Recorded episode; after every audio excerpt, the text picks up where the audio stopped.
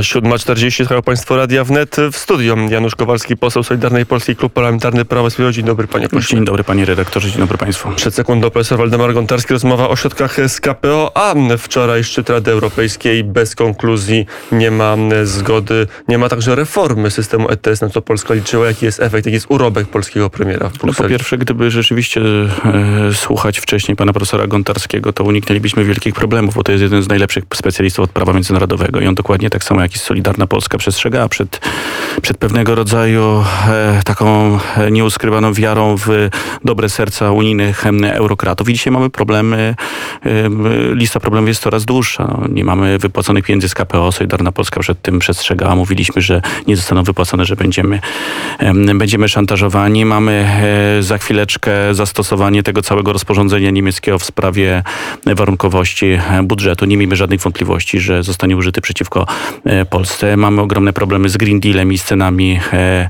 e, energii. Tutaj też była szansa na to, żebyśmy tą sprawę rozstrzygnęli. No rzeczywiście ten e, dzisiejszy, wczorajszy szczyt jest jakimś przełomem oczywiście, bo rzeczywiście pan premier Mateusz Morawiecki postawił na agendzie kwestię reformy tego unijnego systemu handlu emisjami po to, żeby ściągnąć ten unijny parapodatek i to jest dobre. No ja się oczywiście z tego szczególnie cieszę, no bo w końcu za to zostałem odwołany z rządu, za to, że mówiłem o tej reformie przez kilkanaście miesięcy 19 lutego za spotkanie ze związkowcami w OPZZ. Ale Właśnie zostałem e, za to Mówi odwołany. I to jest więcej, że trzeba się wycofać z ETS-u. E, Ja zawsze możliwe. mówiłem o reformie ETS-u, a dzisiaj rzeczywiście trzeba ten ETS, em, czyli ten spekulacyjny system, który nakłada haracz na miliony e, Polaków, zawiesić zdecydowanie, dlatego że cena, cena uprawnień w ciągu ostatniego roku wzrosła o prawie 200%. E, To oznacza, że kilkudziesięcioprocentowe podwyżki cen energii ciepła dla milionów Polaków. Jeżeli cena uprawnień w zeszłym roku kosztowała 25 czy 30 euro, a dzisiaj kosztuje 80-90 euro, no to nie miejmy żadnych wątpliwości, że to gigantyczne uderzenie w konkurencyjność polskiej gospodarki. No, przykładowa e, emerytka e, czy emeryci na przykład z Bydgoszczy czy z Bytomia ogrzewający mieszkanie komunalne gazem e, czy energią elektryczną, no po prostu no to, to, to będzie dla nich oznaczać gigantyczny nie problem ma z ubóstwem zgody energetycznym. Berlina, nie ma zgody komisji, ba komisja nawet mówi, że bardzo jej się ceny podobają. Tak samo jest w umowie koalicyjnej w Niemczech, żeby zrobić wszystko, aby ceny uprawnień nie spadły. No tak, o tym właśnie dokładnie od marca 2020 roku mówiłem, że ten cały system jest systemem, który sprzyja realizacji niemieckiej energii Wende, czyli transformacji energetycznej na poziomie unijnym, y, która stawia Niemcy w uprzywilejowanej pozycji, bo po pierwsze Niemcy więcej będą e, eksportować technologii OZE i również i Chińczycy i to dzisiaj widać na, na rynku polskim. Mamy ogromny em, em, import e, ze strony em, e, Polski tych wszystkich technologii, a po drugie gaz. No my przestawiamy dzisiaj polską gospodarkę na gaz. No w mojej ocenie to jest ogromny strategiczny błąd, tracimy suwerenność energetyczną. No wystarczy zobaczyć, co się dzieje dzisiaj z cenami gazu. Ceny gazu przez decyzję Unii Europejskiej są e, kilkukrotnie wyższe niż na przykład e, w Azji czy w, e, w Stanach Ale to Zjednoczonych. jest komisja, czy to jest Putin? No, no, to jest polityka regulacyjna Komisji Europejskiej, Unii Europejskiej, która uzależnia Europę od gazu. Panie redaktorze, no w zasadzie nie ma państwa dzisiaj w Unii Europejskiej, która jest producentem netto e, e, gazu. No, jeszcze z tego co pamiętam, to jeszcze chyba tylko e, e, Dania, bo Holandia już przestała chyba być e, producentem netto gazu, to trzeba sprawdzić. I to jest, to jest dowód na to, że jeżeli mamy własny surowiec, własny węgiel, mamy 70% energii produkowanej z węgla i z ciepła, to rezygnacja z tego surowca na rzecz gazu, którego w Polsce nie ma, na rzecz gazu, którego zaczyna w Europie brakować, który jest po prostu arcydrogi, no, oznacza po prostu kompletne szaleństwo dla Polski. E, Rząd, czy pan premier się zdecyduje na taki ruch, żeby wyprowadzić Polski z, E- Polskę z ETS-u? To jest No, to, możliwe. znaczy, b- dzisiaj mamy bardzo trudny dzień. Prezes Urzędu Regulacji Energetyki e, ujawni, jakie będą e, podwyżki cen energii dla milionów Polaków od stycznia 2022 roku. Czego pan poseł się spodziewa? No jednak kilkudziesięcio- kilkudziesięcioprocentowych podwyżek, 20-30% w tym. Ja jestem przekonany, że tam będzie jakiś kompromis z firmami energetycznymi, ale umówmy się, że to są gigantyczne podwyżki. No jeżeli wzrasta czynnik kosztowy z 25 euro do 80 euro, a mniej więcej trzeba to jasno tak powiedzieć, że jedna megawattogodzina w Turowie, jej wyprodukowanie kosztuje 140 zł i trzeba do niej dokupić e, jedną tonę emisji CO2, kiedy ona kosztowała ta tona 6 euro, czyli 30 zł, to było 160 zł. Dzisiaj kosztuje 80 euro, czyli 360-370 zł. No to jest szaleństwo, bo pokaz po pokazujemy, że y, prawdziwym kosztem dzisiaj dla Polaków w cenach energii i ciepła jest ten unijny parapodatek. To jest absolutne przekleństwo. To jest w dużej części y, wina Donalda Tuska, jego reformy z marca 2014 roku kierunkowej To na Rady Poseł Europejskiej. nawet napisał raport, ale pytałem, czy to jest prawnie możliwe. No, panie redaktorze, Znamy wszystko jest, wszystko, wszystko jest możliwe, ponieważ mamy realny stan zagrożenia bezpieczeństwa państwa i bezpieczeństwa ekonomicznego i s- y, energetycznego. To jest realny stan, w którym dzisiaj polska gospodarka jest.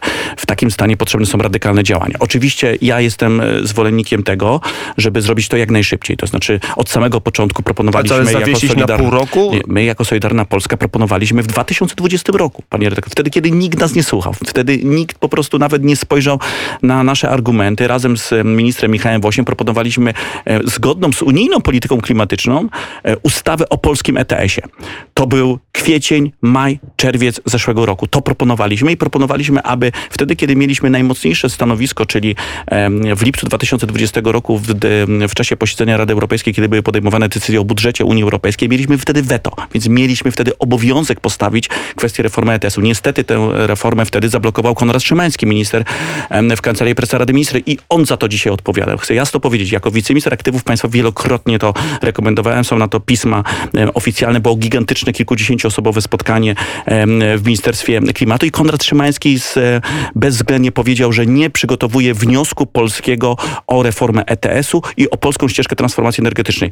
Za to w mojej ocenie temu ponosi odpowiedzialność Konrad Szymański. Napisał pan tweeta Konrad Szymański, idealny negocjator dla unijnych eurokratów i Berlina. Warto w końcu podsumować jego osiągnięcia, bo lista niezałatwionych spraw dla Polski problemów w relacjach z UE się wydłuża. Solidarna Polska stawia wotum nieufności Znaczy, wobec ja, pana ja mówię w imieniu, no, to, to polityka polega na odpowiedzialności. Odpowiedzialność polega na skuteczności. Jeżeli ktoś nie potrafi strzelać bramek albo cały czas e, dostaje siatę w swoje bramki, a my przegrywamy szczyty e, posiedzenia Rady Europejskiej, jest żadne zaklinanie rzeczywistości tego e, nie zmieni. Nie ma KPO, jest rozporządzenie o warunkowości, e, e, mamy problemy z Green Dealem, mamy gigantyczny kryzys e, energetyczny, bo nie ma reformy ETS-u. To są fakty, za które odpowiada Konrad Szymański, który również zrobicie? prowadzi który również prowadzi kwestię dotyczącą em, sporu CUE przed CUE w sprawie e, Turowa. No w mojej ocenie to jest taki moment, ja no, apeluję oczywiście i zachęcam w swoim imieniu do pana premiera, aby jednak po prostu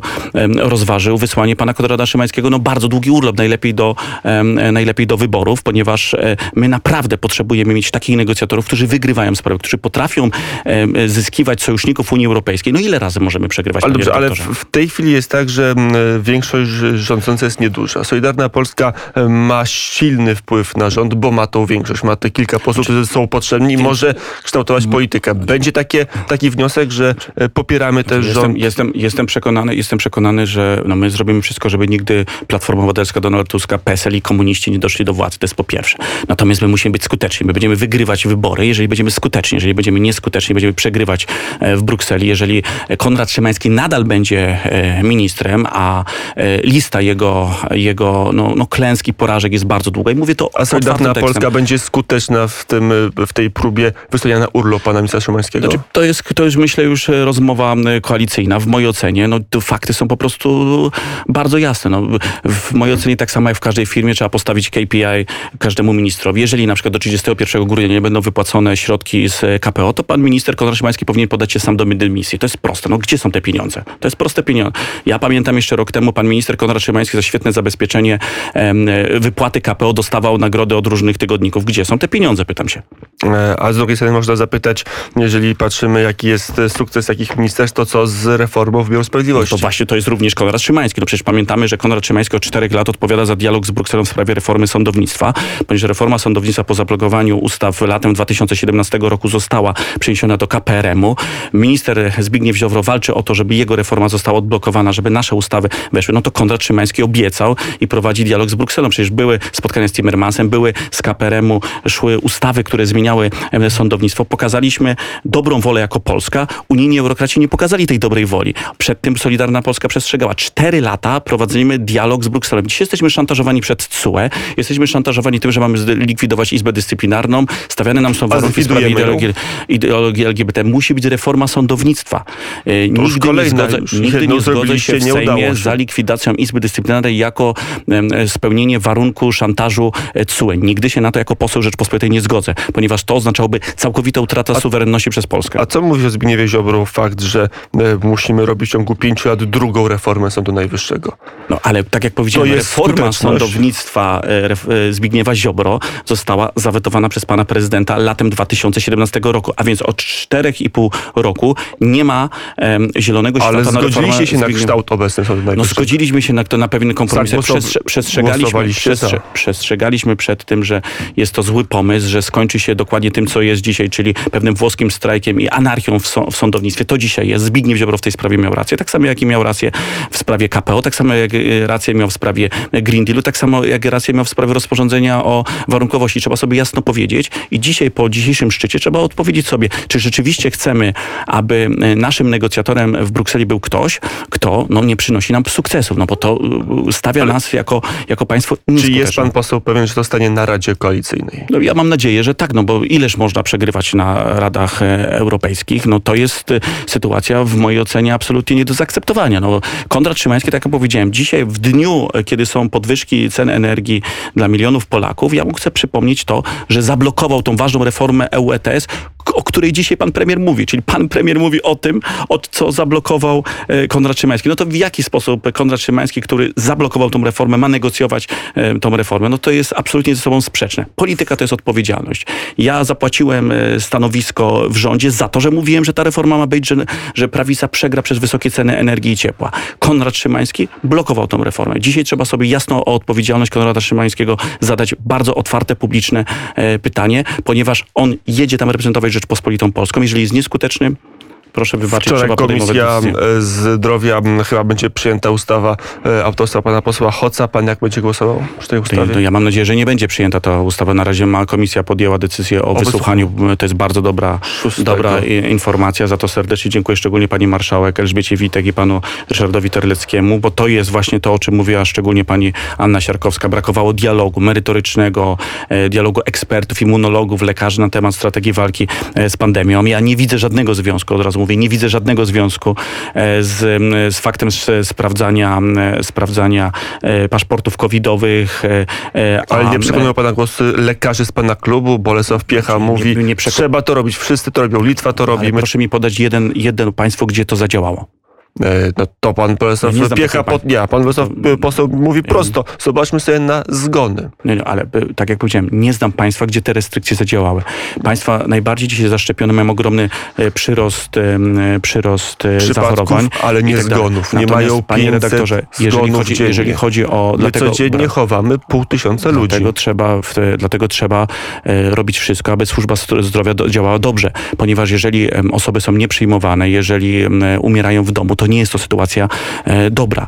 E, dzisiaj służba zdrowia nie działa dobrze również na poziomie samorządowym, dlatego potrzeba jest e, odblokowanie służby zdrowia i Ale dzisiaj... to argumenty, i prosty dzisiaj- wykaz. Liczba osób wyszczepionych i liczba zgonów. To pana nie przekonuje, że szczepienia zmniejszają zakres... Brakuje debaty, brakuje debaty również nad tym, w jaki sposób liczy się, jaka jest metodologia liczenia, bo pamiętajmy, że jeżeli chodzi o, o te kwestie, to tutaj również są duże znaki zapytania ze strony właśnie lekarzy, ponieważ brakuje takiej debaty. E, Profesjonalistów, którzy liczą i patrzą się, jak to wygląda w innych państwach.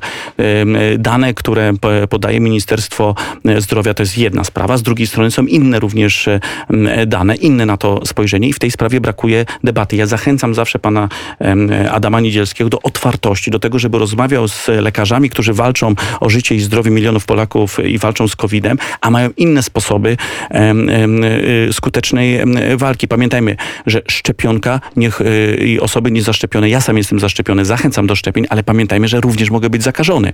Ja mogę transmitować wirusa. W związku z tym restrykcje w tym obszarze są po Ale w prostu... znacznie mniejszym wymiarze, jak mówią Ale przynajmniej przecież to jest bardziej niebezpieczne, panie redaktorze, ponieważ jeżeli ja w znacznym ym, wymiarze będę transmitował wirusa jako zakażony i będę chodził i zakażał, no to to jest ogromny problem, bo będę zakażał. No to w jaki sposób te restrykcje spowodują zmniejszenie zakażeń? To właśnie mamy w Unii Europejskiej. Im bardziej jesteśmy y, y, zaszczepieni, tym większe jest pytanie, dlaczego rośnie liczba zakażeń. Tylko, że w Polsce ginie 500-500 osób dziennie, a w Hiszpanii 50. Ale to, I jest, to ta jest kwestia również, e, to jest kwestia również tego, jakie osoby zaliczane są do osób, które umierają na e, covid -a. Tutaj z tą statystyką, panie redaktorze, dobrze pan o tym wie, jest dużo znaków zapytania, ponieważ nie ma jednolitego modelu po prostu liczenia te, e, śmierci. Ja nie podważam tych Za danych, budżet- ale potrzebuję w tej sprawie Ostatnie debaty. pytanie. By- Za budżetem Solidarna Polska będzie Absolutnie, my głosujemy zawsze za budżetem. Ten budżet musi być przyjęty, to jest, to jest dobry budżet na e, trudne e, czasy, szczególnie, że e, zwiększamy, zwiększamy finansowanie nauki języka polskiego dla, dla Polonii i Polaków i staramy się przewrócić polsko-niemiecką symetrię. Dość tego, aby Niemcy w Polsce dostawali ćwierć miliarda złotych na naukę języka niemieckiego, a Polacy w Republice Federalnej Niemiec. Pojawiła się plotka, że jest szantaż, że, że, anty, że, że posłowie sceptyczni wobec ustawy Hoca powiedzą, nie zagłosujemy za budżetem. Tak nie ma. Nie, no to, to są jakieś wyssane z palca po prostu rzeczy. No wiele osób życzy naszemu środowisku źle y, Zjednoczonej Prawicy, ale naprawdę proszę takich podszeptów nie, nie Dzisiaj słuchać. budżet Dzisiaj, przejdzie gładko. no ja jestem o tym przekonany, ponieważ mamy większość i Polacy czekają na dobry budżet. Powiedział Janusz Kowalski, poseł Solidarnej Polski, Klub Parlamentarny Prawo i Sprawiedliwość. Dziękuję, Dziękuję i życzę miłego dnia. bardzo. Nawzajem. Godzina 7.56, teraz zagra zespół Pink Floyd, a potem wiadomości.